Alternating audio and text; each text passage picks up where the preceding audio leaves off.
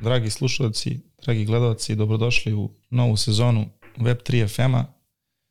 Mi smo već krenuli ovaj da, se, da se zabavljamo i zaključili smo da nam fali jedna rakija. Duga nam je pauza bila dok smo došli do ovog novog studija. Sa mnom su danas ovaj, sjajni momci, sjajni gosti koje teško da ne znate ako ste ovaj u Web3 svetu i teško da ih niste sreli, ali eto, pod nekom hipotetičkom tamo pretpostavkom da da ih ne znate. Da ne volite odvjetnik. Da. ove, ja ću eto, ove, kako mi ide ovo, definitivno ne bi mogao da radim u kafiću, ovo sipanje, ali bar rakija dobra. Vidi se da nemaš iskustva. A sad, komercijalnog nemam. Znaš, obično sam sa druge strane šanka i onda... Momci, dečki, dobro mi došli, hvala, hvala. vam puno. Dug put ste našli. prešli ovaj, prethodnih dana i danas ovaj, da bismo se ovde našli. Hvala na pozivu. Rakiju. Da, da, hvala.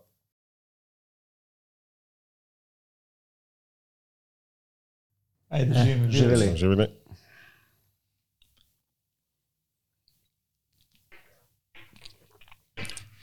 Dobrodošli u naše novo potkrovlje. Hvala. I u novu sezonu Web3 FM-a. Bolje vas našli. Otvaramo e, sezon. Za sam početak, hajmo da se vi ovoj publici hipotetički da vas, jel te neko ne zna što sumnjamo ovaj, da, da, da se predstavite dve rečenice. Vlaho kao gost. Vlaho Kreni. gost. E pa dobro, ovaj, ja sam Vlaho Hrdalo, ja sam odvjetnik po zanimanju.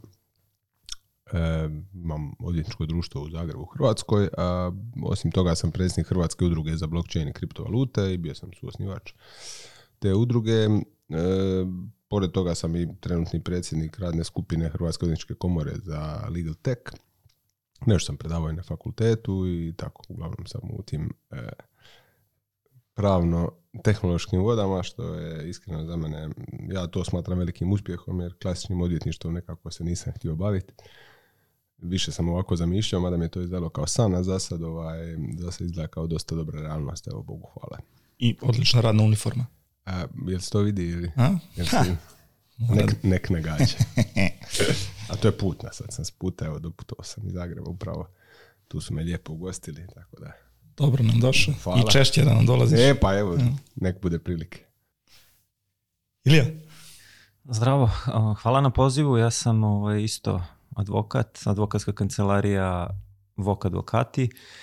Uh, Osim toga, učestvovao sam u radu ovog superklastera naše radne grupe koja se bavila regulatornim problemima domaće Web3 industrije sa još nekoliko kolega, Željkom Lanom i ovaj, Milošem. Sastavili smo neki lep izveštaj, prezentujemo ga tokom sledeće nedelje ovaj, na Belgrade Blockchain Weeku. Uh, I osim toga, pišem tu i tamo po neki tekst o ovaj, problemima opet web zajednice, manje više to, to je to. Hoćeš da nam daš neki insight za taj izveštaj pre, pre vremena?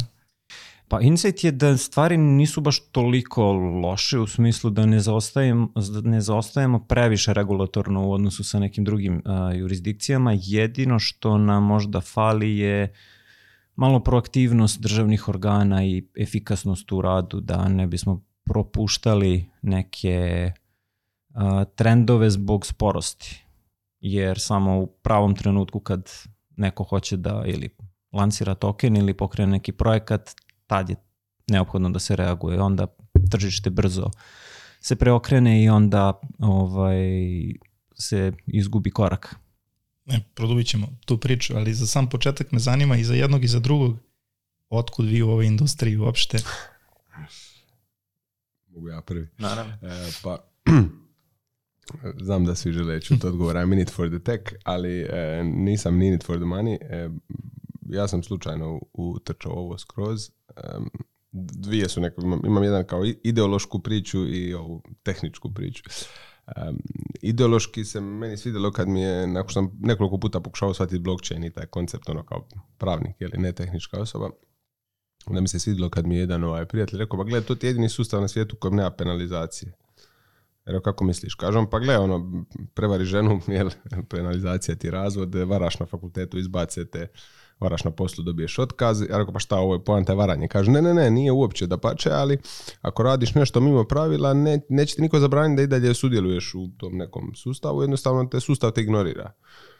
I onda to je bilo ono vrijeme Bitcoina, forkova i slično i onda kažem, Znači, baš nisam ljubitelj autorskih prava, što možda rijetko je za odvjetnika, ali ovaj, onda meni objašnjava, gle, imaš taj neki Bitcoin cash um, koji će se tek napraviti, to je bilo prije toga, i kao oni su uzeli logo od Bitcoina, malo su ga onako zarotirali, uzeli su cijeli kod i oni sad ono, furaju svoju, svoju cestu, pa ko će s njima, nek ide s njima, ako neće, neće. Ja rekao, nema ono, nije da ih neko ono zabrani. Kao ne, ono, kao nikog nije briga, uzmi ti svoj fork, Bitcoin vlaho i nešto, niko je za ništa izbaciti.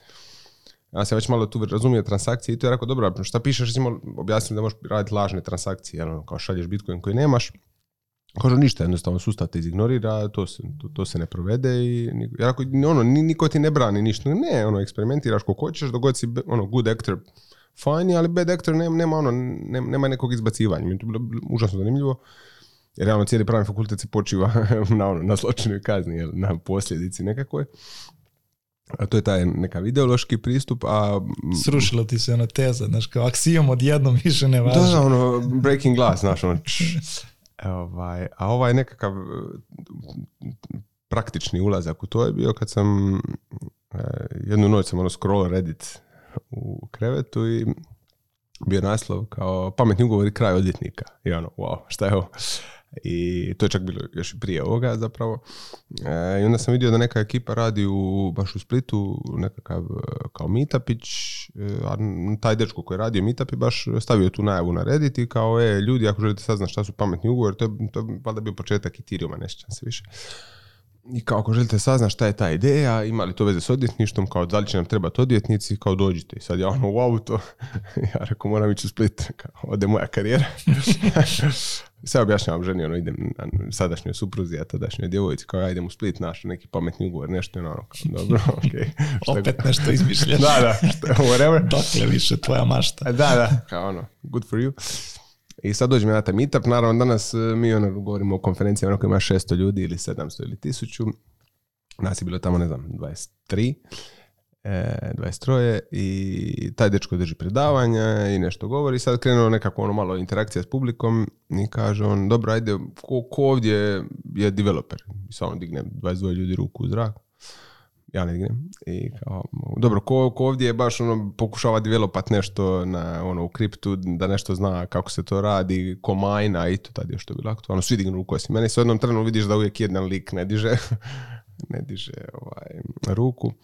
S tim da ima jedna smiješna fotka to je ono early meme od prije 20 godina gdje neka bijela mačka prolazi ispred 40 crnih e, pasa i piše ono even if I walk to the valley of the shadow of death kao I fear no evil i sad ono, ja se ono, u jednom trenutku shvatim da je ono, ja se ne uklapam. I naravno ovaj mene prozove i kaže čeka šta ti radiš i sad ja ono pa ja sam ovaj odvjetnik i ono ja očekujem da će u tom trenutku reći dobro prosti izvoli jednostavno izaći tu sam. I u tom trenutku se okrene cijela soba prema meni i ono kao u glas e ostan imam te nešto pitati. ja rekao, vidiš, možda ima nešto od ovoga, ali nis, nisam mislio Možda da... Možda još nije kraj kao za moju karijeru. Ne? Da, da, da, ja rekao, no, možda uspijem forkat, jel te, moju karijeru, tako to su neki moji ovaj, početci u tome. Strava. Ja sam isto slučajno krenuo sa ovaj Web3 industrijom i sa blockchainom generalno, mada sam imao to uh, tokom studija na, na masteru, ali naš, u prolećnom semestru u Amsterdamu je sve interesantnije od Ethereum white papera. Ovaj, tako da sam to tad sve zaboravio i onda, ja mislim da je bila 2020 ili 21.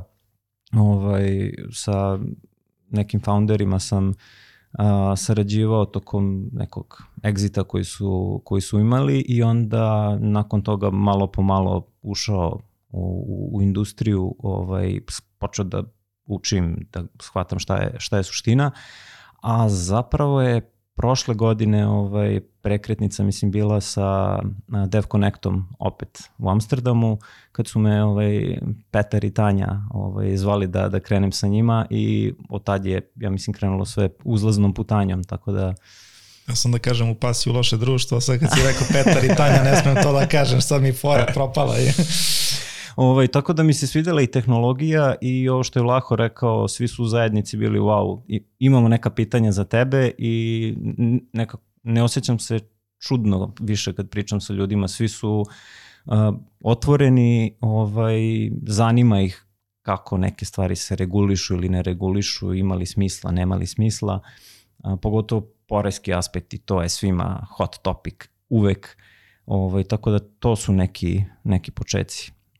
A to je, to je zanimljivo, ono kad god se spomene neko pitanje, naš, a mnogo je pitanja vezanih ovaj, za, za regulativu i za, i za takođe poreski aspekt, što si rekao, nekako uvek ovaj, to ide ka vama dvojici ovaj, u, u zajednici, zato kažem teško da postoji neko ovaj, da, da, da nije čuo za vas i da nima prilike da vas vidi i ono sjajno je što ste toliko aktivni deo zajednice i što toliko pomažete prosto jer to mislim da za sve ovde barem regionalno ovaj, nas puno, puno znači za ekipe da, da možemo da se pomeramo brže.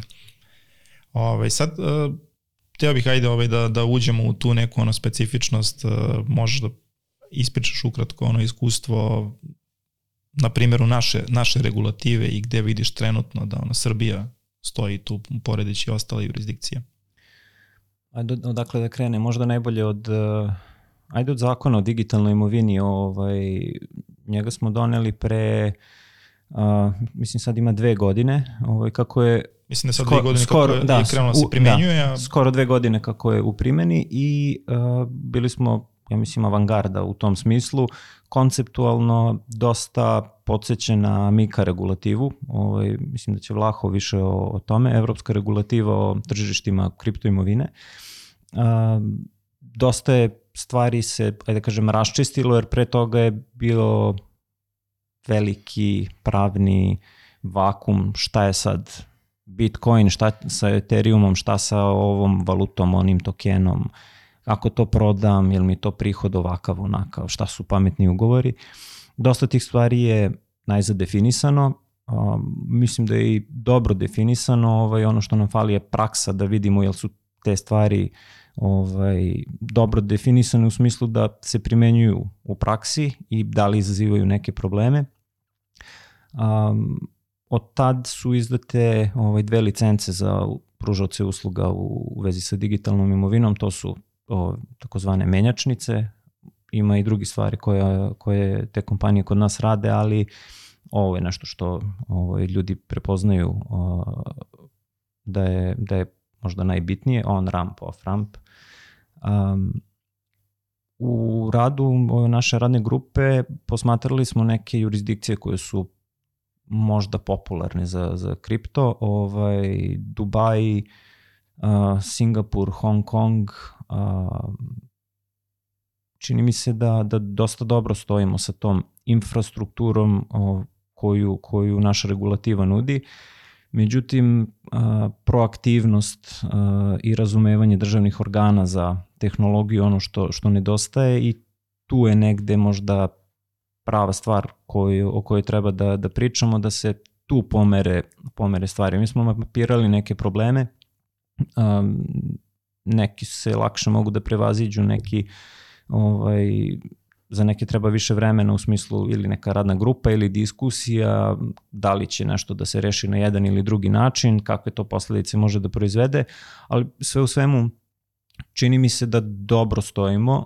samo, kažem, više, više učešća državnih organa koji mogu da doprinesu boljoj, boljoj primjeni. Šta bi, šta bi rekao da su neke možda ono brze pobede ili ono laki potezi koje možemo da donesemo, a da primena ono više, više zaživi. Jer već je ono dovoljno vremena prošlo sad ovaj, sa ove perspektive, znači dve godine da, da, ovaj, da je iza, iza nas u toj ono primjeni zakona, a nekako ono u praksi deluje mi da je imali smo početnu euforiju koja onda je ono splasla kroz vreme i kao da je taj ono rezultat sam izostao ili ako nije rezultat izostao onda barem ono nemamo svest i nemamo dovoljan ovaj, exposure tog, tog ovaj rezultata. Tako da kao šta bi rekao u praksi da je uh, ono, ta glavna vrednost s jedne strane, a s druge strane što sam spomenuo brzi neki ono ovaj potezi koje možemo da, da povučemo, jednostavni potezi koje možemo pa, da povučemo. Postoje nekih par tehničkih stvari koje relativno lako može da se reši, recimo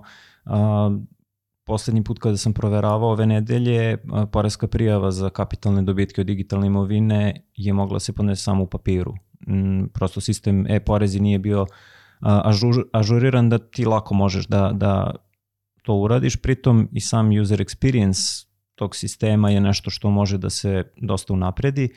Postoji par nekih podzakonskih propisa ovaj, koji takođe uh, nadležni organi nisu doneli, to je nešto što svakako postoji obaveza da urade, pa onda možda bi to da, bilo neki ovaj mali korak napred u svemu što što očekujemo i možda lo, neka long term stvar je a, davanje objašnjenja pojedinih a, nedoumica u praksi za što postoji pravni osnov da sad ministarstvo ili poreska uprava, neki državni organ, ovaj, pripremi, a, poput onog objašnjenja za test samostalnosti preduzetnika, to je bilo ovaj, velika, velika tema nedavno, da se možda nešto u tom smislu ovaj, e, spremi kako bismo neka najčešća pitanja koje dobijamo u praksi, za koje sad koliko pravnika, toliko mišljenja, imamo neki stav, ali je pitanje kako bi reagovala, ne znam, Narodna banka, komisija, Poreska uprava u primeni tih tih propisa. Tako da možda su to neki ovaj, quick wins bez velikih zakonodavnih in, uh, intervencija. Ne moramo da menjamo, ne znam, ceo zakon o digitalnoj imovini, jer nismo ga prosto ni primenjivali. To ti je kao kad imaš uh, ono, dobar auto koji voziš napred-nazad po dvorištu, pa sad ne treba ti novi i skuplji auto dok ne probaš ovaj šta s njim možeš na otvorenom putu. Kao sve ovo na polovnim automobilima vozila baba do pijace samo. I... Da, po dedinom grobu. ja, kaži mi, e, šta misliš da je potrebno da, ovaj, da, da promenimo ili prilagodimo da bi smo privukli ono više, više inovacije i više investicija ovde? Uf, to je teško pitanje i e, nije samo pitanje za digitalnu imovinu, nego, odnosno za, za ovaj, ove, ove stvari koje se tiču digitalne imovine, već dosta širi, širi ovaj spisak stvari. Uh, od efikasnosti državnih organa, um, nekih poreskih podsticaja za, za inovacije koje već tu duše postoje, ne znam sad, nemam statistiku koliko se ovaj, zaista koriste, a, ali mislim da je glavna stvar edukacija ovaj, uh, ljudi koji, koji treba da nadziru primenu tog zakona. Dakle, podizanje tih institucionalnih kapaciteta državnih organa, mislim da je to nešto što, što nam najviše treba, jer mi razumemo te stvari, ali kako da ih predstaviš i objasniš to što ti radiš nekom, nekom ko je ovaj, relativno stari, recimo u Poreskoj upravi je prosek godina poreskih inspektora 50-55, što je ovaj, jako, jako visoka ovaj, granica i sad pitanje koliko su ti ljudi ispremni E, da, da uče, koliko imaju vremena da uče o novim tehnologijama, a sve ima neke posledice na, na to što ti kao ili kompanija ili pojedinac želiš da, da radiš. Trebali smo svima da im kupimo kartu za Belgrade Blockchain Week i da... E pa, ovaj, neki su se ovaj, odazvali za, za ovaj naš meetup koji je u ponedeljak, što onako prija i lepo je što, što nisu svi koje smo pozvali, ovaj, ali ovi sa kojima najčešće radimo jesu da sad ne navodimo ovaj, koje su ustanove u pitanju. Dobro, i sve ovo što si spomenuo, kaži mi, bili su nam potrebno neke radne grupe da bi sa različitih strana ljudi se uključili i pomerili ono te stvari napred, makar u smislu te, tih preporuka i, i, i uh, ono, pre, predloga ovaj, koje, koje dajemo sa, sa strane primene zakona ili je možda ono nešto drugo rešenje? Pa mislim da radne grupe jesu dobro rešenje da se krene sa, sa nečim, da prosto Web3 zajednica iznese ono što im je bitno ovaj, da se recimo obrati pažnje ili da se možda neka stvar reši na drugačiji način ili praksa a, prilagodi ili usmeri na način koji je podsticen za zajednicu da ne bi a, usporavali inovativnost ili uh, u toj široj slici uh, domaćeg sistema terali kompanije ovaj, i inovacije u neke druge jurisdikcije. Tako da suština jeste da, mislim da radna grupa sa ljudima iz Web3 zajednice i predstavnicima državnih organa može da doprinese boljem razumevanju za početak cele tehnologije, da se sa nekim dijalogom ovaj krene, da ne bude da sad Web3 tu predstavlja neko flipovanje, skemove, rag pulove, nije to suština, već da uh, ima dosta dobrih projekata, zanimljivih projekata, primenljivih i u državnoj upravi ovaj, zbog prirode blockchaina. Ovo, to je sad, ajde, još šira tema, ali da se uspostavi neko poverenje, da shvate i jedni i drugi šta ko radi. Jer mislim da je to glavna stvar koju i Vlaho i ja radimo, često smo u tehničkom ovaj, značenju bridževi između jednih i drugih. Pa sad prenosimo šta ko misli. Ovaj, nadamo se da se ne, ne izgubi mnogo u tom bridžingu. Ali eto, baš za sve ovo što si rekao spontana i ne, ne, ovaj, neplaćena reklama za superklaster i važnost takvih ovaj, inicijativa. Mislim da jeste dobar, dobar projekat bez obzira na, na ovaj, neke probleme s kojima smo se suočavali, naravno treba da analiziraš sve stvari, da mapiraš sve probleme, pričaš sa velikim brojem ljudi, mislim da smo napravili dobar posao i da će imati nekog efekta. Pa mislim i da se pomerimo makar jedan korak napred, opet čini mi se da je vredelo. Lako kaže mi sad da se ovaj, maknemo malo od ovog ovaj, lokala ovde. E, kakva je situacija u Hrvatskoj i normalno Evropska unija? Mm, pa, ja bi se samo kratko vratio na lokal, E, jednu stvar koju možda, tebi to isto ili ja nisam nikad rekao, ali koju možda ne vidiš kad si tu, nego neko izvana gleda.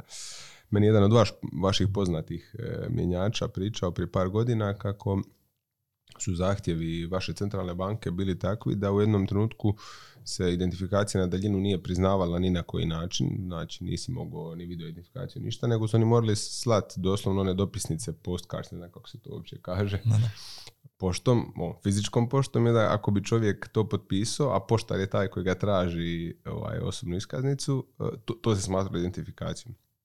I sad nama je to u tom trenutku zvučalo stvarno kao dosta ono rudimentarno rješenje koje nema nikog smisla, E, I onda ono prođe vrijeme i ne primijetiš, u jednom trenu saznaš ono, Srbija ima zakon o digitalnoj imovini. Ja rekao, čekaj, ono, kao mi smo, ono, ja sam smatra da smo mi ispred, sad odjednom oni imaju svoj... Preskočili smo, da. Naš. ono, oni imaju svoj zakon, mi još uvijek, ono, se bavimo nekim ono, dijalozima sa državnim tijelima, nešto im objašnjavamo, nas nešto zovu. E, tako da, ovaj, mislim da je to Mene to isto pitaju za ovu Miku famoznu. Ja mislim da je bi, bilo, bilo kakav zakon nije najbolji na svijetu, ali je dobar korak naprijed jer popuni x praznina, ok, nešto će ostati. Ali ova potpuna nedefiniranost je ono, vrlo izazovno za, mislim, potpuno ti katalizirati kreativnost jer kad nemaš nikakvih, nikakve regulacije, onda ljudi dolaze pred tebe pre s nekim projektom i sad ti moraš njima objasniti što se smije, što se ne smije. Sam ne znaš što se smije, što se ne smije, nigdje ne piše što se smije, što se ne smije.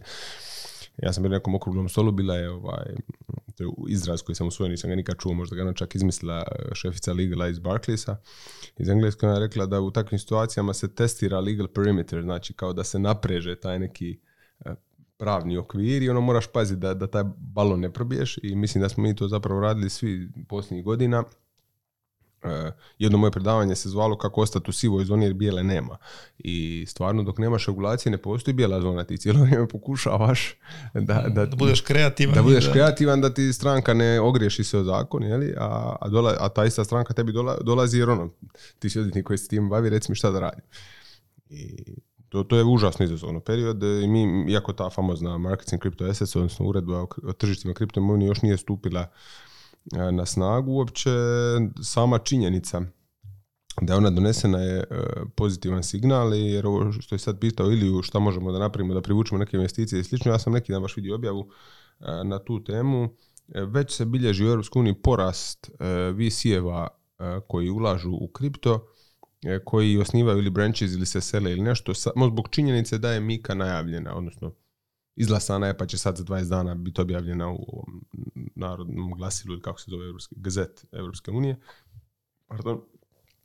Ovaj, tako da ti, ti neki signali su nekad isto važni jer, jer pokazuju ne, nekakvu putanju. I konkretan efekt odmah vidiš. Da, e, jer mi smo imali e, doslovno nula, što je meni poznato, visijeva, kripto visijeva koji su bili u Evropi prisutni. Što naravno, vi sjeve voliš, ne voliš, ali oni su činjenica i nekad, nekad su jednostavno potrebni e, za, za mnoge projekte. A što se tiče ovog što je ovaj, e, Ilija priča u vezi nekog odnosa sa, sa državnim tijelima, moram priznati da smo mi našu udrugu i osnovali sa više motiva, naravno edukacija kao jedan od glavnih, ali stvarno vodeći motiv koji smo mi imali je bio ostvariti neki dijalog s regulatorom. S tim da nije naš regulator, nije kod nas to je HANFA što je pandan vašoj ovoj komisiji za hartije od vrednosti. Mm. Naš regulator nije bio negativan i nije ni danas, stvarno imamo dobar odnos s njima, ali oni su nam otvorno rekli, gledaj, mi ne možemo razgovarati sa 20 firmi, 6 odvjetnika, 3 mm. startupa i 4 inicijative. Kao da, ono, dajte se nešto. Tako da nama je zapravo, nije, nije ideja došla od njih, ali to nam je bio ovako dosta jasan znak da se moramo udružiti i tako je nastala ta UBIK ili udruga za blockchain i kriptovalute. I naš, valjda prvi korak je bio on, direktno u poreznu upravu, direktno u HANFU i ajmo razgovarati. Srećom to, to funkcionira već godinama. Mi, on, morate slaviti male pobjede, iskreno ja to svima govorim. Mi imamo malu pobjedu da su nam 2022. znači sad u, u desetom mjesecu baš E, smo imali regulatorni meetup, imali smo okrugli stol na koji je došao doslovno, doslovno svaki e, uglavnom čelnik, nešto je bilo predstavnici, jer uglavnom svaki čelnik svakog relevantnog tijela u Hrvatskoj je došao na okrugli stol.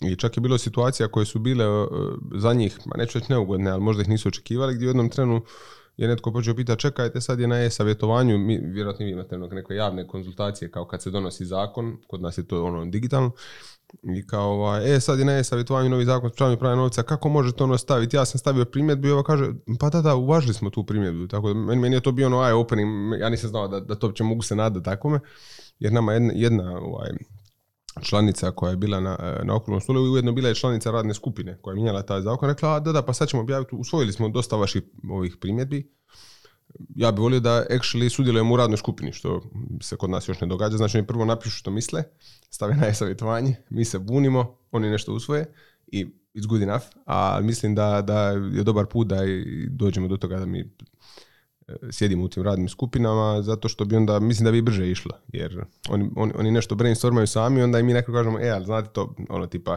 reverzibilne transakcije, to ne funkcionira. Aha, ok, onda korak nazad. Tako da prostora za, za nekakav e, napredak ima, ali ovo slavite male pobjede. Mi smo prije tri, ne znam, četiri dana u Hrvatskom parlamentu, u Saboru smo imali okrugli stol na temu kripta. Znači, ulazite u Hrvatski sabor, kontrola, ono, visoke mjere sigurnosti, ono, na velikom ekranu piše kripto imovine. 2017. mi je to ravno bilo tome da sleti svemirski brod u Zagreb. Ne zvuči kao mala pobeda, moram reći.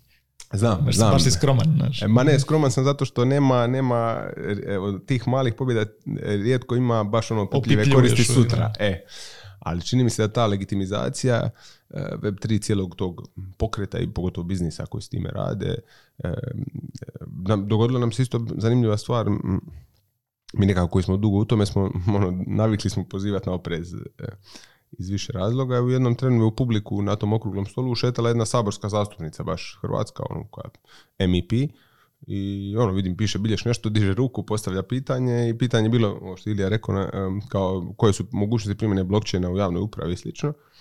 Vidite li prostora za glasanje? Mi smo svi redom bili suzdržani. Uh, bili smo, pardon, bilo od nas pet članova, dvojica smo bili iz kriptoindustrije, a troje su bili jedan iz ove Hanfe, jedan koji je klasični investicijski fond, tradicionalni, i jedan je bio sa Zagrebačke burze. Jel? I sad mi smo ono, bili svi skupa suzdržani oko blockchain glasovanja, i što ja, mislim, nisam se nadao nikakva njenu reakcija, ali sam očekivao da čovječ ono kao da, da, kao, ono, ona kaže, kako možete to reći, pa ogromne su mogućnosti primjene, ono, eh, ti, ti si sad taj koji, koji ispada prekonzervativan, Tako da očigledno ima nekih tih e, struja čak i na, na mjestima gdje ih možda ne biste pro, e, očekivali pronaći. I ovo što Ilija rekao također, važno, važno je taj bridge koji mi nekad igramo, ali i drugi, mislim nismo jedini koji igramo, ali to prevođenje sa, sa, sa web 2 ili sa stvarnog svijeta na jezik. Sa ne. papirologije je, je. na web. Je, ali meni je recimo sjećanje koje će, će mi zauvijek ostati jedan, naš prvi, jedan naših prvih posjeda poreznoj upravi. Mi u Hrvatskoj imamo nešto zove središnji ured porezne uprave, to je nekako onom opinion makeri porezne uprave recimo tako. Jedna gospođa bila nešća mi imena nažalost E, mi smo sad to počeli objašnjavati, to je isto mislim 2017. 18. i sad ono, kripto, znate, to se mora knjižiti na bilancu, ono tamo, ona kaže, ja to ništa ne razumijem, ali se da to nacrtati? Ja rekao, pa da, ajde, i sad ona vadi ono, tekicu, kemijsku i kaže, i sad smo mi doslovno smo crtali, ali ta žena bila starija, e, ako je neko voljan učiti, ja mislim da stvarno nije važno koliko ima godina. Znači, ta je gospođa htjela to sebi prevesti, i kažu ja ću sebi ovo da se ja znam podsjetiti i što, to je meni, meni to oduševljavajući pristup. Ne mogu reći da je to sad dominantan pristup i da su svi takvi, ali može se.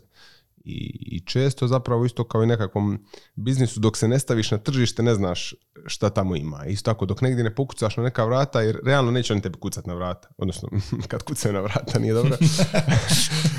Nego neće, pa neće... Možda ti moraš kod prozor. E, E, tako da, ali do sad nismo nikad kucali na vrata, su ostali zaključani, moram priznati. Evo, puno je, relativno puno je to godina. Mi, smo, mi, smo, mi smo u Spaceu šest godina, kripto postoji 15, tako da to je ono tipa 45% vremena. Oh, jeez. E, tako da, meni se čini da, da je stanje dobro, jer ja kad sam tek ušao u to, to je bilo ono, potpuno, ne, divlji zapad je teška rečenica, e, teška sintagma jer zvuči kao nešto negativno, ali bilo je potpuno, potpuno neregulirano. Mi sad imamo da se cijela Evropska unija sastala, skupila glave, da donesu nekakvu, again, kakva takva, ali da se donese neka ono, krovna regulativa, da, da se znaju pravila igre. I ja znam često, oprosti, često sam razgovarao s nekim strankama koji su mi znali, ono, koji su nekakve malo ovako ozbiljne firme, koji su rekli, ma, daj mi najgora pravila, samo da znam koja su. Znači, nek su najrestriktivnija, nek se moram ono, jump through hoops sto puta, ali samo da znam šta mi radi. Šta, šta, nam, šta nam Mika donosi? Pa Mika donosi zapravo neki overview tog dokumenta koji je relativno velik, a još ga je e, Evropska unija ga je malo nespretno prelomila, pa PDF ima 566 stranica ali to ne bi trebalo bezhrabriti, ja sam ga uspio nekako... Čitat e, pred spavanje. Da, da, čitat pred spavanje. E, uspio sam ga nekako svest na stotinjak stranica kad se to ispravno prelomi. E, donosim približavanje tržištu kapitala, recimo. E, zakonitost ima tržišta kapitala, e, Ja sam par puta rekao i malo sam sebi dosadan, ali to mi je nekako dobra sintagma, da, e, odnosno do, do, dobar primjer, da kripto mora nekako se moći uklopiti u postojeće kategorije, a pažljivo kreirati neke vlastite. E sad, logično je da to tržište kapitala koje se razvija stotinama godina, um, ima razloga zašto nešto što traje stotinama godina što god misli o kapitalizmu kao, kao konceptu, ali ono funkcionira jer, jer se griješilo, jer se naučilo na tim greškama. Ova, ima jedna izvrsna knjiga, ne znam, jeste čitali, možda zove se Black Box Thinking e, od Matthew Sayeda. Čovjek je napisao cijelu knjigu da objasni da e, avionska industrija on, bez, bez umora i neumorno i vjerno uči iz svake pogreške, jer tamo su pogreške užasno skupe, jeli? I mjere se u ljudskim životima, osim u novcu i oni provedu, ako ste kad gledali onu seriju neku koja ima na našem geografiku, analize, prometi, oni, oni potroše tisuće sati da do zadnjeg detalja atoma shvate zašto je nešto pošlo po, po, po krivu. I mislim da je, to, da, je to dobra, da je to dobar primjer zašto neke stvari koje dugo opstoje, bili to fenomeni ili organizacije ili što, ja mislim da je to zašto su bili dosta uporni učenju u svojim pogreškama. Jel? I zato mislim da postoji, postoji prilika da se iako je tradicionalni financijski sustav pokvaren, mislim, kripta ne bi bilo da je tradicionalni financijski sustav nije pokvaren, e, ne mislim pokvaren kao bad, nego pokvaren kao broken, Um, mislim da se iz njega ipak ima, ima što što za naučiti, jer mi hrpa izraza koje mi koristimo su zapravo izrazi sa Wall Streeta, mislim da se ne lažemo, to, to, to su, su sve od Bully Bear e, marketa. Eno ga tamo e, stoji ispred. Da, tradanje, ne znam čega. Hedge leverage. E, to je sve, to je sve od tamo. I logično, logično je da je, da je Mika se vozila, vodila time da, da se zapravo nekako ukomponira u tradicionalne financije, jer e, kao što sam rekao, ovaj okrugli stol smo imali u Saboru, jedan od, e, jedan od govornika je bio predsjednik uprave, e, mislim da to najvećih ili jednog od najvećih hrvatskih tih investicijskih fondova. on meni isto jedan eye-opening moment, on je rekao da ja, ja imam podjelu svojih klijenata po demografiji. Moji klijenti mlađi od 35, oni mene samo zovu kad će kripto. Znači, ja što god mu pokušavam prodati kao financijski, ovo, kao financijski vijekl, nešto što može uložiti, njega to ne zanima. A i, kažem, mene kripto samo zbog toga zanima. Znači, ja želim da se kripto regulira, da ga ja mogu uvrstiti u svoju aplikaciju, da ga mogu ponuditi sve većoj, sve potentnijoj demografiji koju samo to zanima. I kaže, ja njemu ne mogu prodati nikakav drugi proizvod. S druge strane, vrlo otvorno, ljudima preko 55, da imam kripto ne mogu ga prodati i kaže tu ovo što jesi ti spominjao, ta demografija. Trenutno.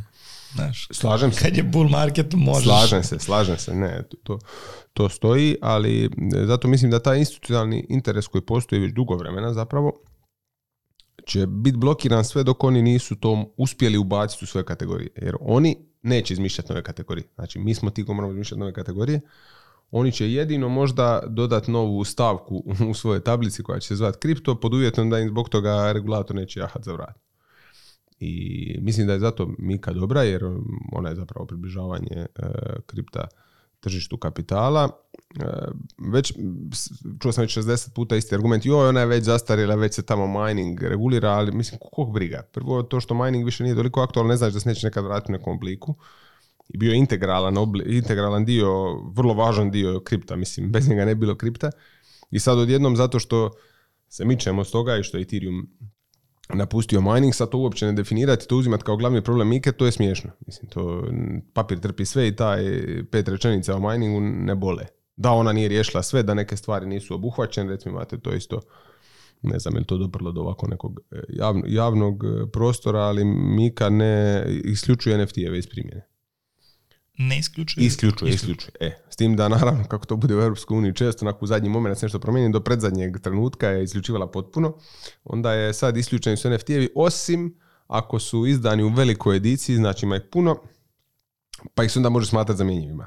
Što je onako neki kupus od definicije jer to što je, prvo ne piše nigdje šta je to velika edicija, je li to 100 komada, 10.000 ili milijun, I drugo, mislim, bajceva ima, ne znam, 10.000, ali nisu, apsolutno nisu zamjenjivi, zašto ih ima mnogo. I tu, tu će se, ostavilo se prostora, jer, kažem, tek prvi dio Mike koji se tiče ovih nekakvih uh, tokena, asset reference tokena i money tokena stupa na snagu za 12 mjeseci, a ostatak tek za 18.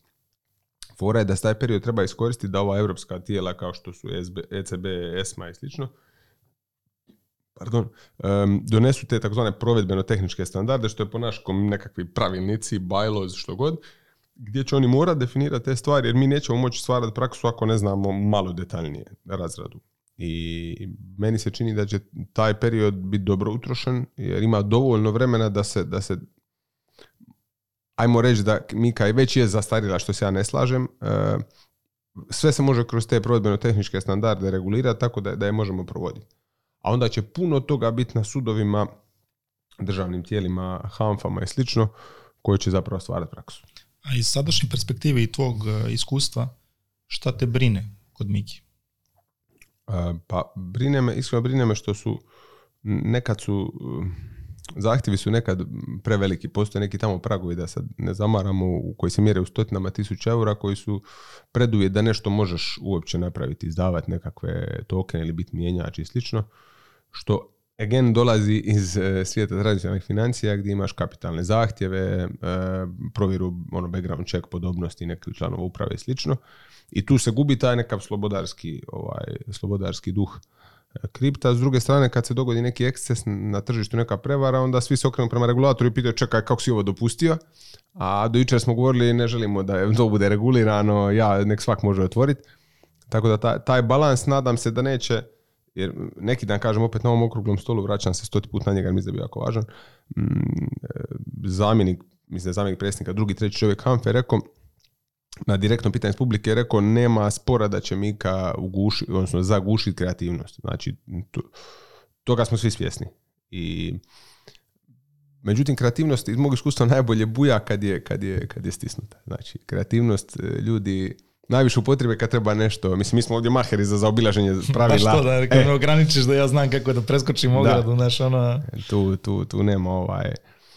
Tu nema nama, nama ravnih, e, tako da ta kreativnost će možda od nekih ovih e, paper handsa izazvat da odustanu, ali mislim da, da će uvijek će biti industrija ispred regulative. Mislim da to, to se uvijek događalo.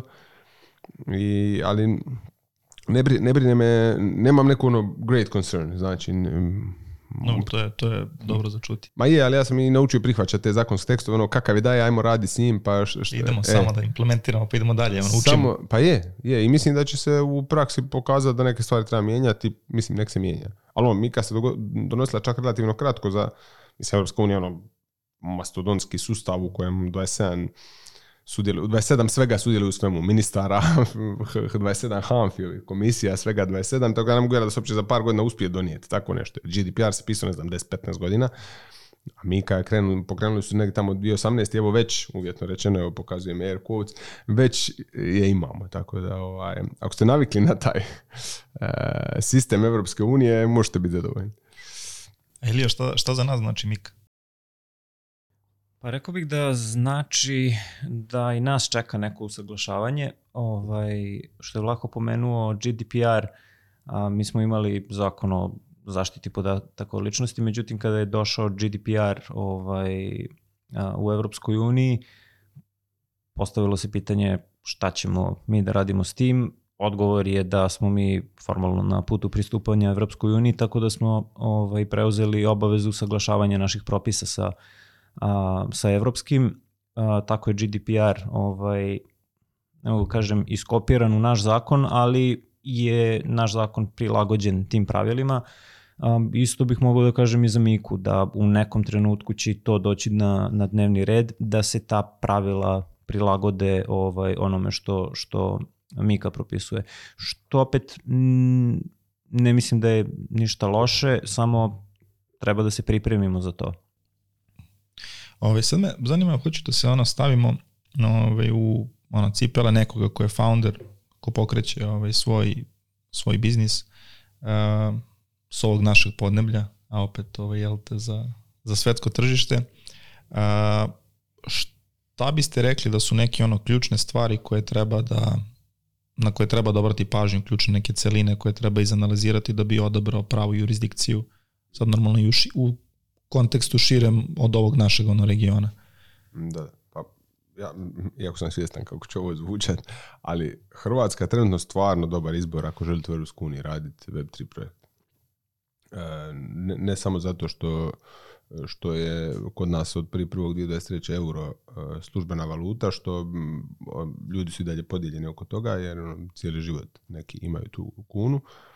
Ali ja mogu reći iz moje prakse, ja imam, mogu se sjetiti na desetke stranaka, stranaca koji su odustali od osnivanja firme u Hrvatskoj jer uplata temeljnog kapitala u kunama otišla k vragu. Znači oni su poslali neke eure, banka za neku, neki fi, onda rekli pa više nemate dovoljno, su ju poslali ekstra, sad imate previše, to je na prolaznom računu, po kojem kursu se promijenilo i čovjek kaže, ma znaš šta, hvala, doviđenja. Tako da ovaj, e, s te strane Hrvatska, da, da sam ja recimo iz neke, e, recimo iz Srbije, Pa, a da želimo u Europskoj uniji raditi e, projekt, jer Europska unija otvara ono, relativno veliko tržište, to je na 350 miliona ljudi.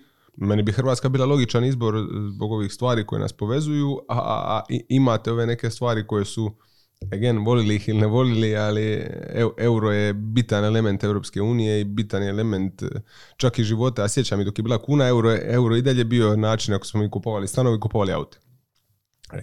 Tako da, mada ja vam mogu ispričati Eh, jednu, sad recentnu, bez da govorim naravno detaljima, ali ja imam interes od jedne stranke koja želi raditi neki projekt u Hrvatskoj i Srbiji. I sada sam pitao, do mene došli, kao znaš nekog iz Srbije, kao eh, da možemo tamo se spojiti s Jarko, pa znam, ono, dosta dobro poznajem cijeli ekosustav, rekao, do, ali, ono, samo me zanima zašto baš Hrvatska i Srbija. Kažem, pa nekako ste vi najistaknutiji u tome, ono, kao, čini mi se da dobro tu, da tu dobro kotirate i takvim ljudima, recimo, te stvari, što si potent, potentni manje ti, sme, manje ti te neke mm, hurdles, prepreke čine stvari u glavobolju. Ali nije svaki investitor toliko potentan i nije svaki startup e, nema dovoljno ni manpowera ni sati da, da, da, da lako proguta te neke probleme. Ali oč, očigledno smo se mi svi skupa relativno dobro brendirali u tom Web3 svijetu i konferencija koju vi radite, konferencije koje mi radimo, mislim da su dobar dobar, ovaj, dobar put za pokazati. Kako da vi i mi, sve smo to mi. Sad, da, da. ovaj, e, pogledao sam Iliju jer je u organizaciji jedne konferencije, ja sam u organizaciji druge. Ovaj, mislim da je to dobar, dobar, dobar primjer, e, zapravo dobar poligon. Ono, meni ta konferencija svaki put posluži ono da da nas reklamiramo. Kao, evo, evo, evo što se može. Mislim, meni je, ne, neke te stvari možda zvuče banalno, ali meni je nedavno mi se isto ovaj, javim nekakav ono, potencijalni klijent, inter, interesent i pitao me trenutno kod nas dok ne stupi Mika na snagu, kod nas je kripto reguliran, baš da ga možemo nazvati reguliran, da ga se spominje u nekom zakonu kroz sprečavanje pranja novca. Jer. I ljudi koji se bave tim poslom već znaju otprilike kad u neku jurisdikciju uopće ono, kontaktiraju odvjetnika, znaju nekakve osnove i sad mene pita taj čovjek kao pa kod vas je to u AML zakonu, ja rekao je, pa kao koji su requirements da ja sad želim doći u Hrvatsku, ja rekao pa ima, ono, Hanfa će vas tražiti da imate jednu stalno zaposlenu osobu koja stvarno tu živi. Dakle, to nije, e, imaš ugovor o radu pa živiš u Helsinkiju, Mm, kažu ono no I don't mind moving to Zadar or Split mhm. znači ljudi, ljudi će te neke stvari koje vama se ne čine ono kao da su bitne ljudima je to ono kao zašto ne bi živio ovo konkretno u Sjevernjaci nije Helsinki kao ono zašto ne bi živio ko, tamo ko ne bi volio u Rovinju da živi e na primjer evo mm. kao ono živim na pet, plus 15 cijelu godinu ono why not i ja se sjetim uvijek jedan, jedan relativno veliki ovaj, relativno velika firma iz Zagreba koja ima predivan ured slično kao vaš, možda ne baš ovako je, ovaj, su mi rekli da oni ono tipa 30% strana kalendaju tako kad su na ivici, oni ih pozovu kao ma dajte dođite kod nas, ono na 40. katu, karikiram nije, 40. katu, sve u staklu, lijepo, ljudi ono kao wow, vidi ovdje je lijepo, ono, ruka ruci. I ja mislim da mi taj potencijal imamo i sigurno ima još tu puno prostora za, za pijariranje na tome. Lako je ja da ti kažem ovako javno, vrata su ti otvorena kad god hoćeš da dođeš 24 sata dnevno, 7 dana u nedelji. Radi, jeli, A? mogu da radim tu. Ma, možeš i da odmaraš, ne moraš da radiš tamo. Dobro, dobro, daćeš mi neku karticu tu za, karticu Rakiju, za pristup. imamo, to si video, znači kad, Provi, provjeri, kad zapare natočit ćemo i... Hvala. Eto. Ilija, šta bi, šta bi ti rekao? Šta bi posavetovao da se, da se gleda od stvari? Pa sad da se ne ponavljam, ovaj, dosta stvari da, koje... Teško, znaš, sad kao...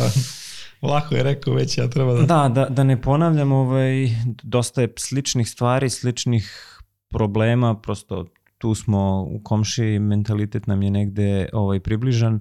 Ovaj, sad u Splitu smo dosta pa istih problema slušali i od jednih i od ovaj, drugih sa, sa kolegama sa kojima smo pričali.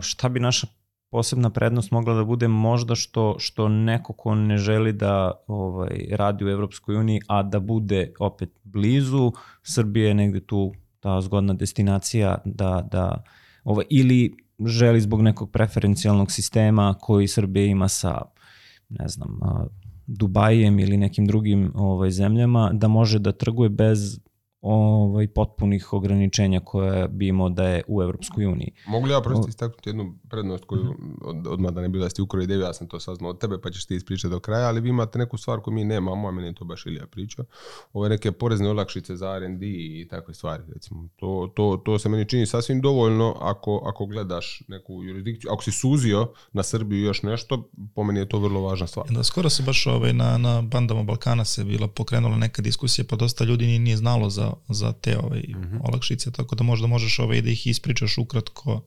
E pa ovako, šta je suština? Ovaj, mislim da te olakšice imamo od prošle ili pretprošle godine, sad više ne mogu da se setim, nije ni bitno, ovaj, imamo ih. Um, ideja je da kompanije koje dosta investiraju u istraživanje i razvoj da bi došle do nekog novog proizvoda, bilo to Web3, poljoprivreda, medicina, šta god da je samo da imaš neku novu vrednost, da se podstakne industrija, da ne bude outsource, što je dugo godina bilo. Ovaj, kod nas slučaj ovaj, da se stvori nešto novo, um, te troškove koje imaš, uh, Poreska uprava će ti priznati u dvostrukom iznosu, u prevodu. Ti investiraš ovaj, u istraživanje i razvoj 1000, za poreske svrhe priznaće ti se kao da si investirao 2000, što praktično umanjuje ovaj porez koji ćeš na kraju da platiš ako ga bude. A, I ukoliko dođeš do nekog dobrog rešenja, ovaj, ta ideja ima smisla, razviješ je i lanciraš neki proizvod ovaj, od koga ćeš kasnije po osnovu intelektualne svojine IP-a da ostvaruješ prihode, a, možeš da eh, tražiš olakšicu IP box, kolektivno se, e, kolokvijalno se tako zove, da praktično e, prihod koji ostvaruješ od tog ili copyrighta ili nekog IP-a um, se ne oporezuje u punom iznosu, već se umanjuje, čini mi se 80 ili 70%, nisam sasvim siguran. Dakle, ukoliko zaradiš 1000, a, neće se oporezovati celi 1000, nego 30% da, 30%. od toga. Da, da, da, to je, to je ta dva posticaja su u principu komplementarna. Jedan da te motiviše da ulažeš, a onda da to što si uh, proizveo iskori, koristiš, monetizuješ, naravno pod uslovom da je taj IP registrovan u, u Srbiji. U Srbiji da. da. A ovaj, na koji je to vremenski interval? U kom smislu? Je li ima ograničenja koliko to traje, taj kao podsticaj? Ne mogu da se setim uslova, iskreno ti kažem. A, dobro. Ovaj, um, Spomenuli smo ono IP, to je isto ono bitna, bitna stavka u, u, u analizi, o čemu treba ono vojiti računa ovaj, kada, kada gledate gde vam je zapravo IP. Hoćeš ti da kreneš? Pa, trenutno nemam inspiraciju, moram, moram promisliti. A, pa, zavisi o kojem se IP-u radi, ukoliko ne, je to a, ovaj programski kod, to bi bilo a, po našem sistemu, verovatno i u Hrvatskoj, autorsko pravo, copyright. Da, da, copyright. Da. premda postoje načini da se to zaštiti kao patent, ovaj, ne znam koji su uslovi ovaj, u, u Americi, ali čini mi se da se taj kod štiti kao patent tamo.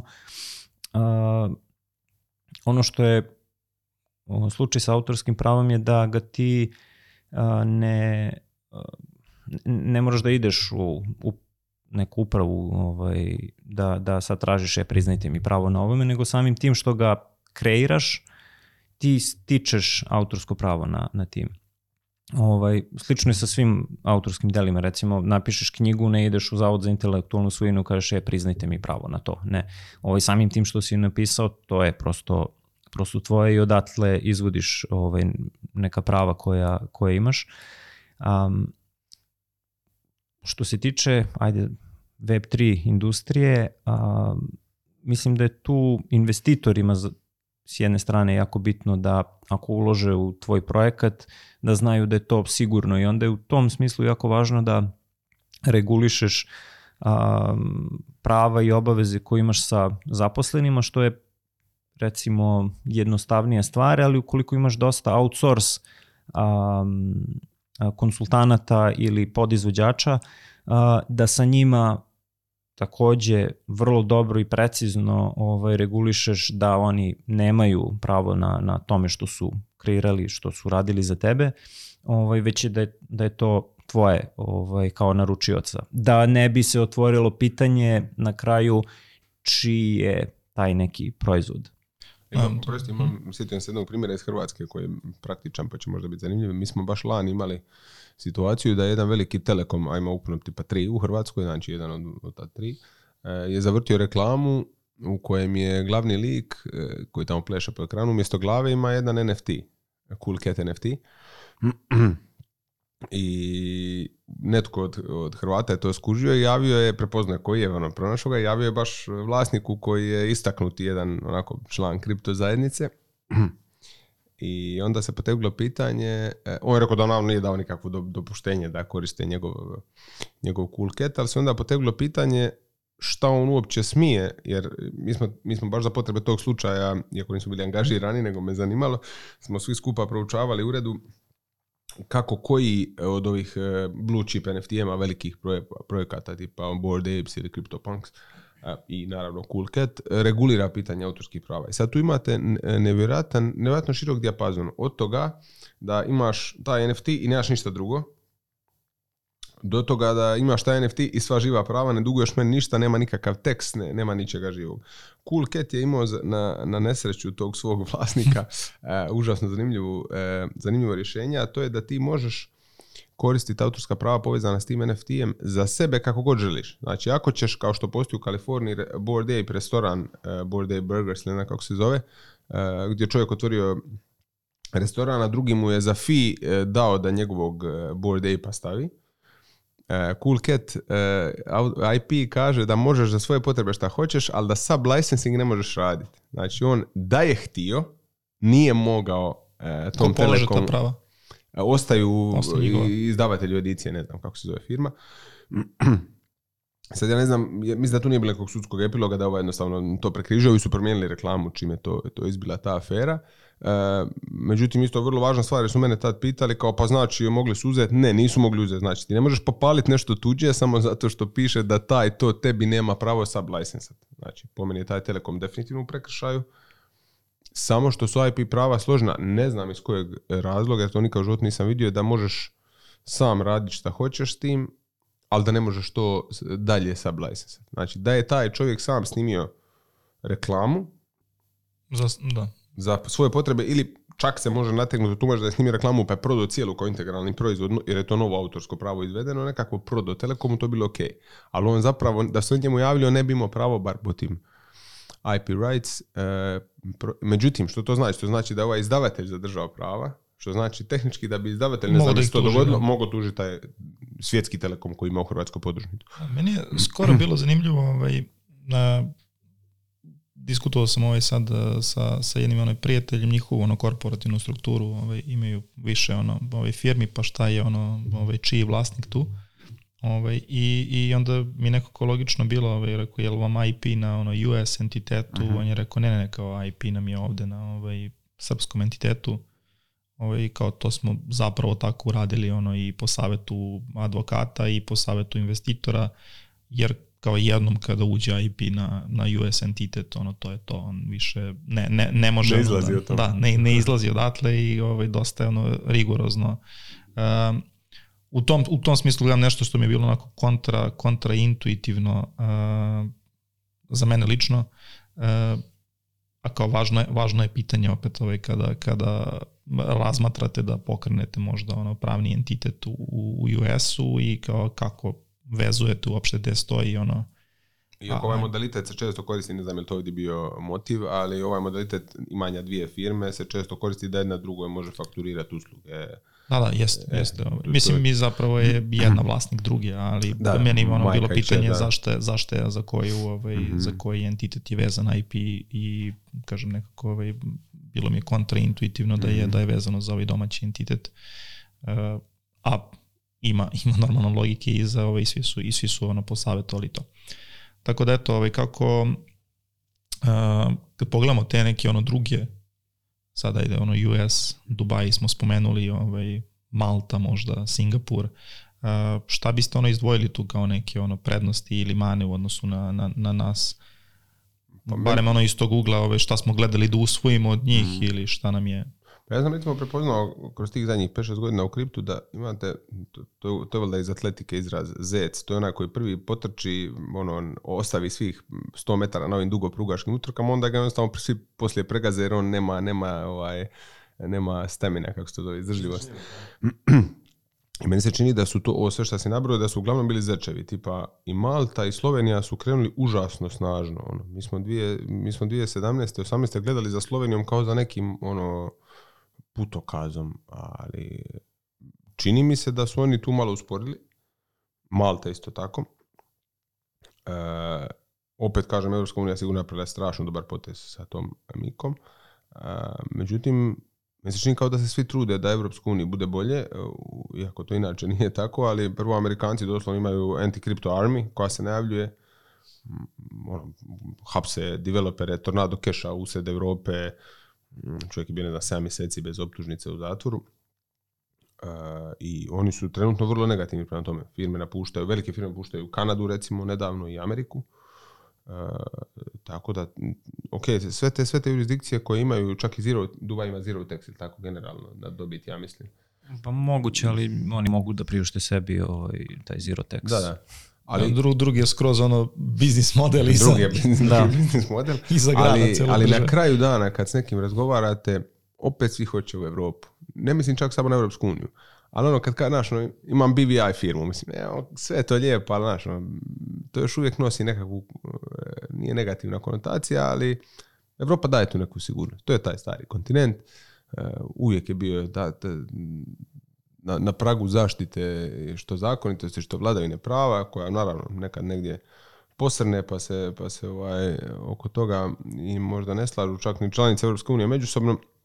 Kako, ali, se, kako se gleda na Irsku, na primjer, ovaj, sad baš kad pričamo ono, o Evropi mm. i iz ugla recimo Evropske unije, odnosno Hrvatske kao zemlje. Ovu Evropsku unijsku Irsku.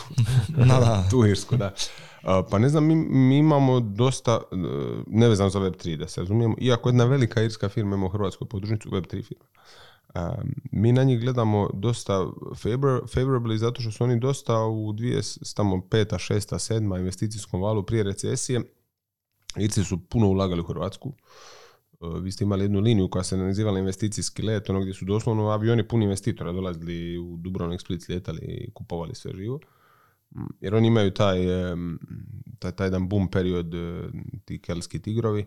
E, čak, autor najpoznatije knjige e, na tu temu koja se zove Pope's Children živi na otoku Zlarinu pored Šibenika Irac. Jel?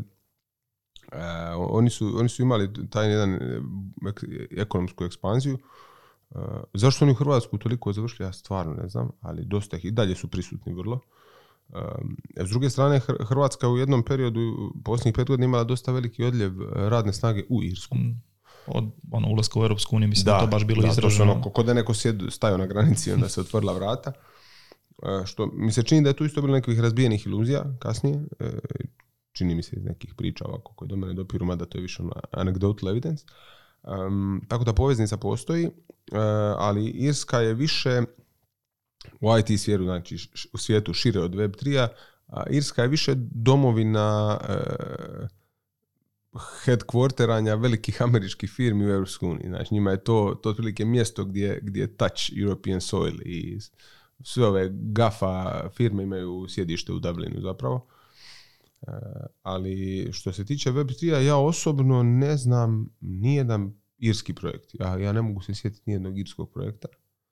E, opet nisam... Čak i da ne posmatra možda irski projekat koliko ono, irsku kao jurisdikciju da, gde... Da, da, da. Ali ne, ne, ne, ne mogu reći da su nešto istaknuti po tome, kažem. Sad, možda sam ja sad opet tu, tu turbo ovaj, home centričan, ali kod nas se stvarno dosta toga vrti. Ove, ovaj, um, ajde, hvala bih da nastavimo još ono neke cipele nekoga ko je recimo član dao ovaj, kao nešto Aha. ovaj, za, za, zanimljivo ovaj, za, za našu industriju.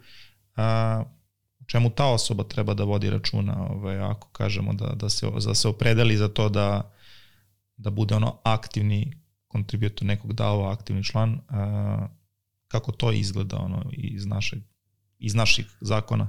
Uf, to je isto jako komplikovano pravo, da. da, pravno pitanje. Ovaj, ja sam o tome dosta razmišljao kako neke stvari mogu da se reše. Uh, Ovaj, onda po, dolazimo na početak sa pitanjem šta je dao, vi ste imali epizodu o tome, to Telegram grupa, kako, koliko je tu sad ljudi potrebno da imaš dao, ovaj, šta je autonomna, šta je decentralizovana, šta je organizacija, na tom bazičnom nivou, znači ta pitanja šta su, ali ajde da se maknemo od toga, ovaj, pravno gledano, čini mi se da sad to predstavlja neku kompaniju na blockchainu koja je svuda, recimo, i ima, po mom mišljenju, smisla samo u defi i ovaj, industriji, jer a, kad dođeš na teren toga da treba da ima neki kontakt sa a, tradicionalnim, realnim svetom, otvara se Pandora, Pandorina kutija pitanja. Ovaj, kako sad ti, da jel zaključuješ ugovor o radu sa nekim zapo, zaposlenim kontributorom ovaj, a, tog da, jel, kako kako mu plaćaš, da li mu plaćaš porez, doprinose, osiguranje, ovaj, zdravstveno, socijalno, um, kako sarađuješ sa nekim ko nije u, u DAO, a potrebne su ti njegove usluge, neki eksterni saradnik, sad ko potpiše ugovor za DAO, kako, kako te stvari funkcionišu, uh, Um, dosta ima tu nekih primera ovaj, iz uh, drugih pravnih sistema oko ovih legal repera, ali onda praktično fiksiraš dao na kompaniju i čini mi se da mu ubijaš tu suštinu koja je da bude on-chain. Fleksibilnosti nema, da. Tako je.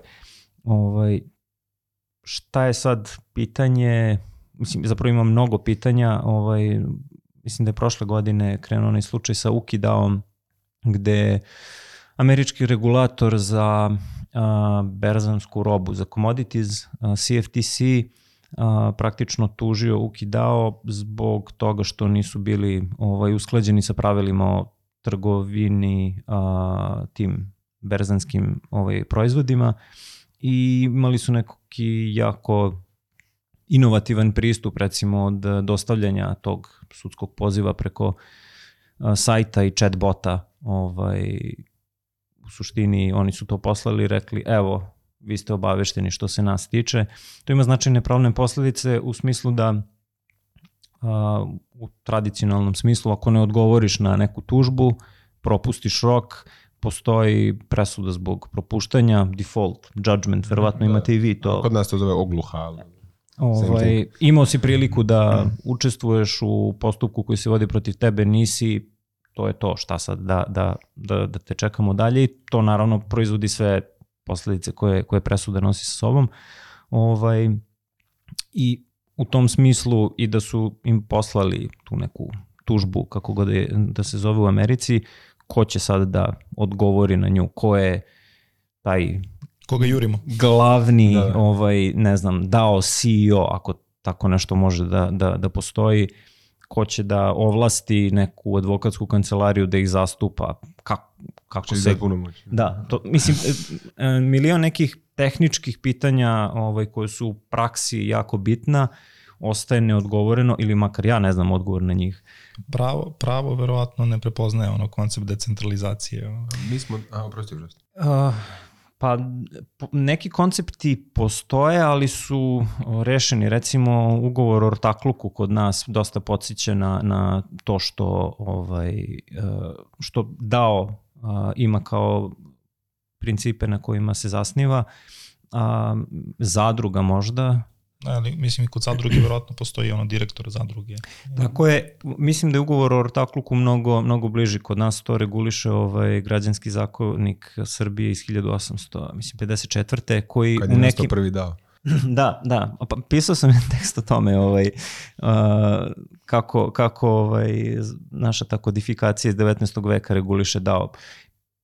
Čini mi se da ima smisla, da nije bez potpunog osnova, jer kažem, ti principi, ta pravila na kojima ovaj, ortakluk počiva, jako podsjećaju na, na, na DAO. Pritom, DAO ne mora da bude ovaj, sa milion članova, odnosno kontributora, može dosta manje. Ovaj, tako da, mnogo je pitanja koje su neodgovorena, ne znam kako mogu da se reše, da li će uslediti neka pravna regulativa, uh, ali opet ko bi je doneo i kako sada primenjuješ, učio je nadležnosti dao koji je zapravo svuda, nekako kao etar svuda oko nas. Mislim to sad ono možemo posmatrati iz dva ugla, jedno je iz ugla dao kao entiteta i ono celine, a drugo je verovatno iz ugla pojedinca, eto ja na primjer sad da, da želim da se samo posvetim i bavim nekom DAO, a s druge strane da kažem neću da budem u sivoj zoni. Mislim, verovatno moramo, što je lako rekao, da budem u sivoj zoni. Da, da, da. Mi smo um, nedavno baš o tome dosta razgovarali, e, zato što je, mi smo baš na blog Splitu predstavili nešto što se zove Ubicort, a to je Ubikova arbitraža, odnosno arbitraža pri Ubiku. Mm, arbitraža generalno za ovaj, šire, šire slušateljstvo je način rješavanja sporova mimo sudova. E, ne postoji način da se nekoga prisili na arbitražu, A, ali ako se Ilija i ja slažemo da nam je korisnije da nam ti presudiš, makar ti nisi pravnik, jel tako? E, makar nisi pravnik, što je dosta velika fleksibilnost arbitraža, jer mislimo da razumiješ materiju, e, država nema problema s time. Mora biti slobodno voljom i imaš neke granice arbitrabilnosti u smislu ne, razvod ne možeš rješavati arbitražom.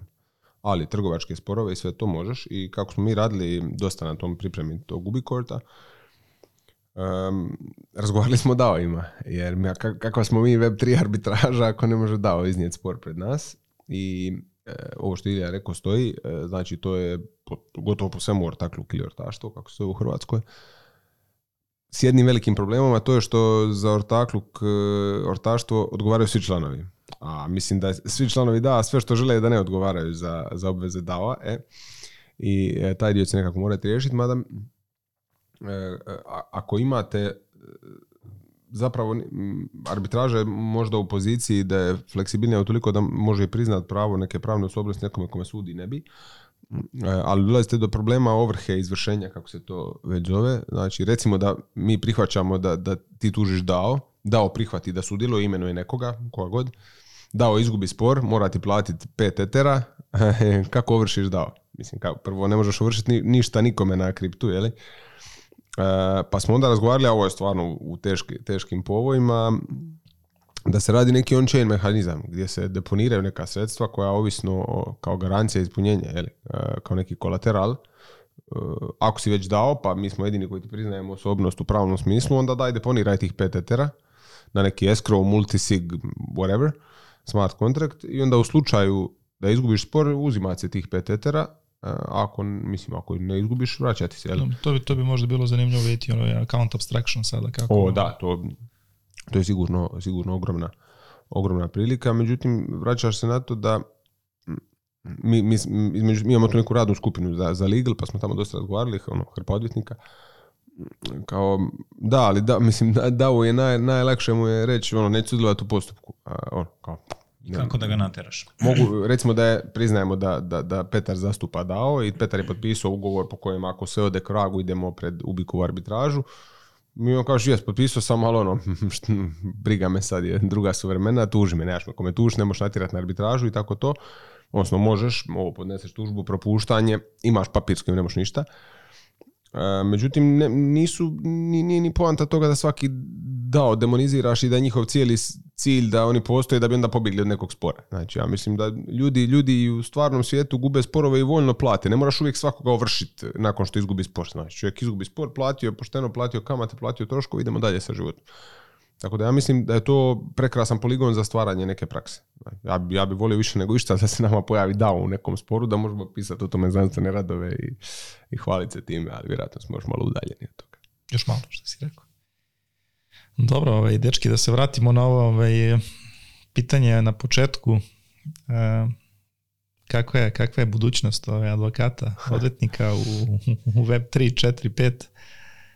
Pa ja bih rekao svetla, to je negde bio zaključak prošle godine ne, regulatorne konferencije u Briselu, ovaj, dok se još mnogo pričalo o Miki, da li će, kako će, u kojoj formi da, da izađe na, na glasanje ovaj, u evropskim institucijama i dosta je otvorenih pitanja bilo, mislim da su nekam rešena, ali i dalje ima tu dosta stvari za tumačenje.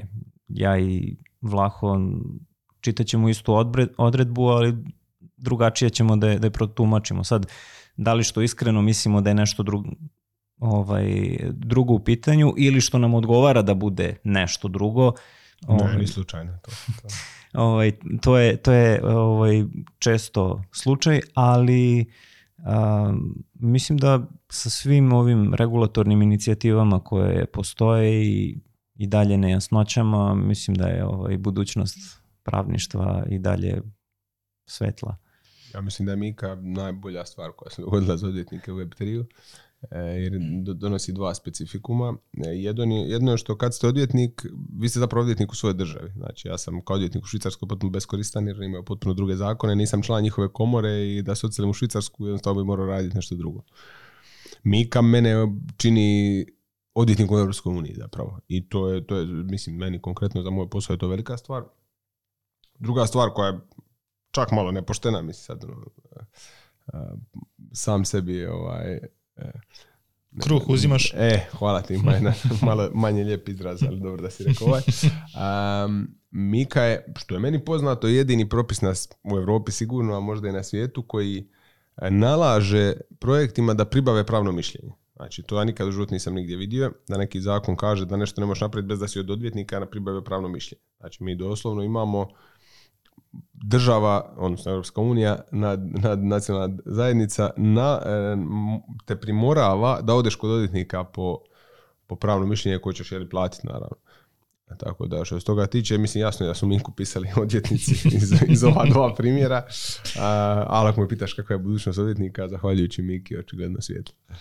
Znači nije se obistinilo ono iz Splita 2017. 18. taj meetup ne, ne, nije, nije. Ma, mi, to, je, to je više bilo ono kao kraj odjetnika upitnika. Ali, ovaj. ne, ja kad sam došao da se vratim, da završimo s početkom, ja kad sam došao na taj meetup, onda sam shvatio da niti je pametni ugovor ugovor, niti je kraj odjetnik, da tu zapravo puno greške u nomenklaturi. Jer, ja znam, onda nekad kasnije čak i Vitalik, ja mislim, izjavio da, ono, da je to užasno nespretan nespretan naziv, taj pametni ugovor. Ja sam ga u nekom, nekom ovako gostovanju nazvao nemilosrdni ovršitelj, pa su mi rekli da je to ipak malo previše ovaj, prekruto. Tako, da, rogobatno. Da, rogobatno. Da. Dobro, ovaj, ja imam jedan ovaj, samo predlog ovaj, kada budete imali to ovaj, tumačenje vas dvojica ako ste nekada na različitim stranama i različitim pogledima uvek probajte sa ovim pa da se nađemo na e, najbolji puta. medijator na svijetu. Da. Sigur, to, to će sigurno pomoći ovaj, da, da gledate odmah ove ovaj stvari le, lepše i na isti način. Uh, Ovaj, hvala vam puno, zadovoljstvo je kao i uvek ovaj, pričati sa vama, ovo mi onako prođe za Volim. čas i bude Baš. ono kao, kao da gledam Suits, znaš. Sati ovaj, ta, tako s vama dvojica. A niko ovaj. ovo dijel. Ba, balkanska verzija. Balkanska da, da. verzija još bolja, naša ne, ne, originala. Ja bi, ja vam se još zahvalio jer ću, kako sam shvatio, završiti na Spotify, što je moj davni san, jer sam ja ovaj, jedan vrlo neuspješan glazbeni producent i nikad ništa nisam uspio dići na Spotify, evo sad mama, evo me na Spotify. Eto. i onda ubedljivo imaš najbolji logo za, za DJ-a. E, hvala ti na to. Eto. to. ćemo ostaviti, nek traže. Da, nek traže ljudi. Nađite vlaku kao DJ-a i, da, da, ide nagrada. Ide nagrada. A imaš i dobar caption, ovaj, ne znam da li da podelimo to. Daj prvo mene reci da znam. da, da. Šapni meni pa onda u mikrofon. Iz Splita sad smo ovaj, to, to smislili A da, znači, da, ne, ne, to je tvoje, ne, to je slobodno, slobodno, to je tvoje, to je tvoje, to je tvoje. Dan, danju odvjetnik, noću odmjetnik. dobar, dobar, da. Pa isto bilo na Twitteru, nisam znao samo ko je autor, ali svaka čast. Je, baš svaka čast. Momci, hvala vam puno, Možda, dragi gledalci. Hvala što nas ugostili. Hvala vratili smo se, da, vratili smo se u sedlo, ove, ovaj, uskoro idu i nove epizode, tako da dobro došli nam u ovu novu sezonu, nadam se da vam je bilo barem upola zanimljivo kao i meni i družimo se uskoro opet. Pozdrav!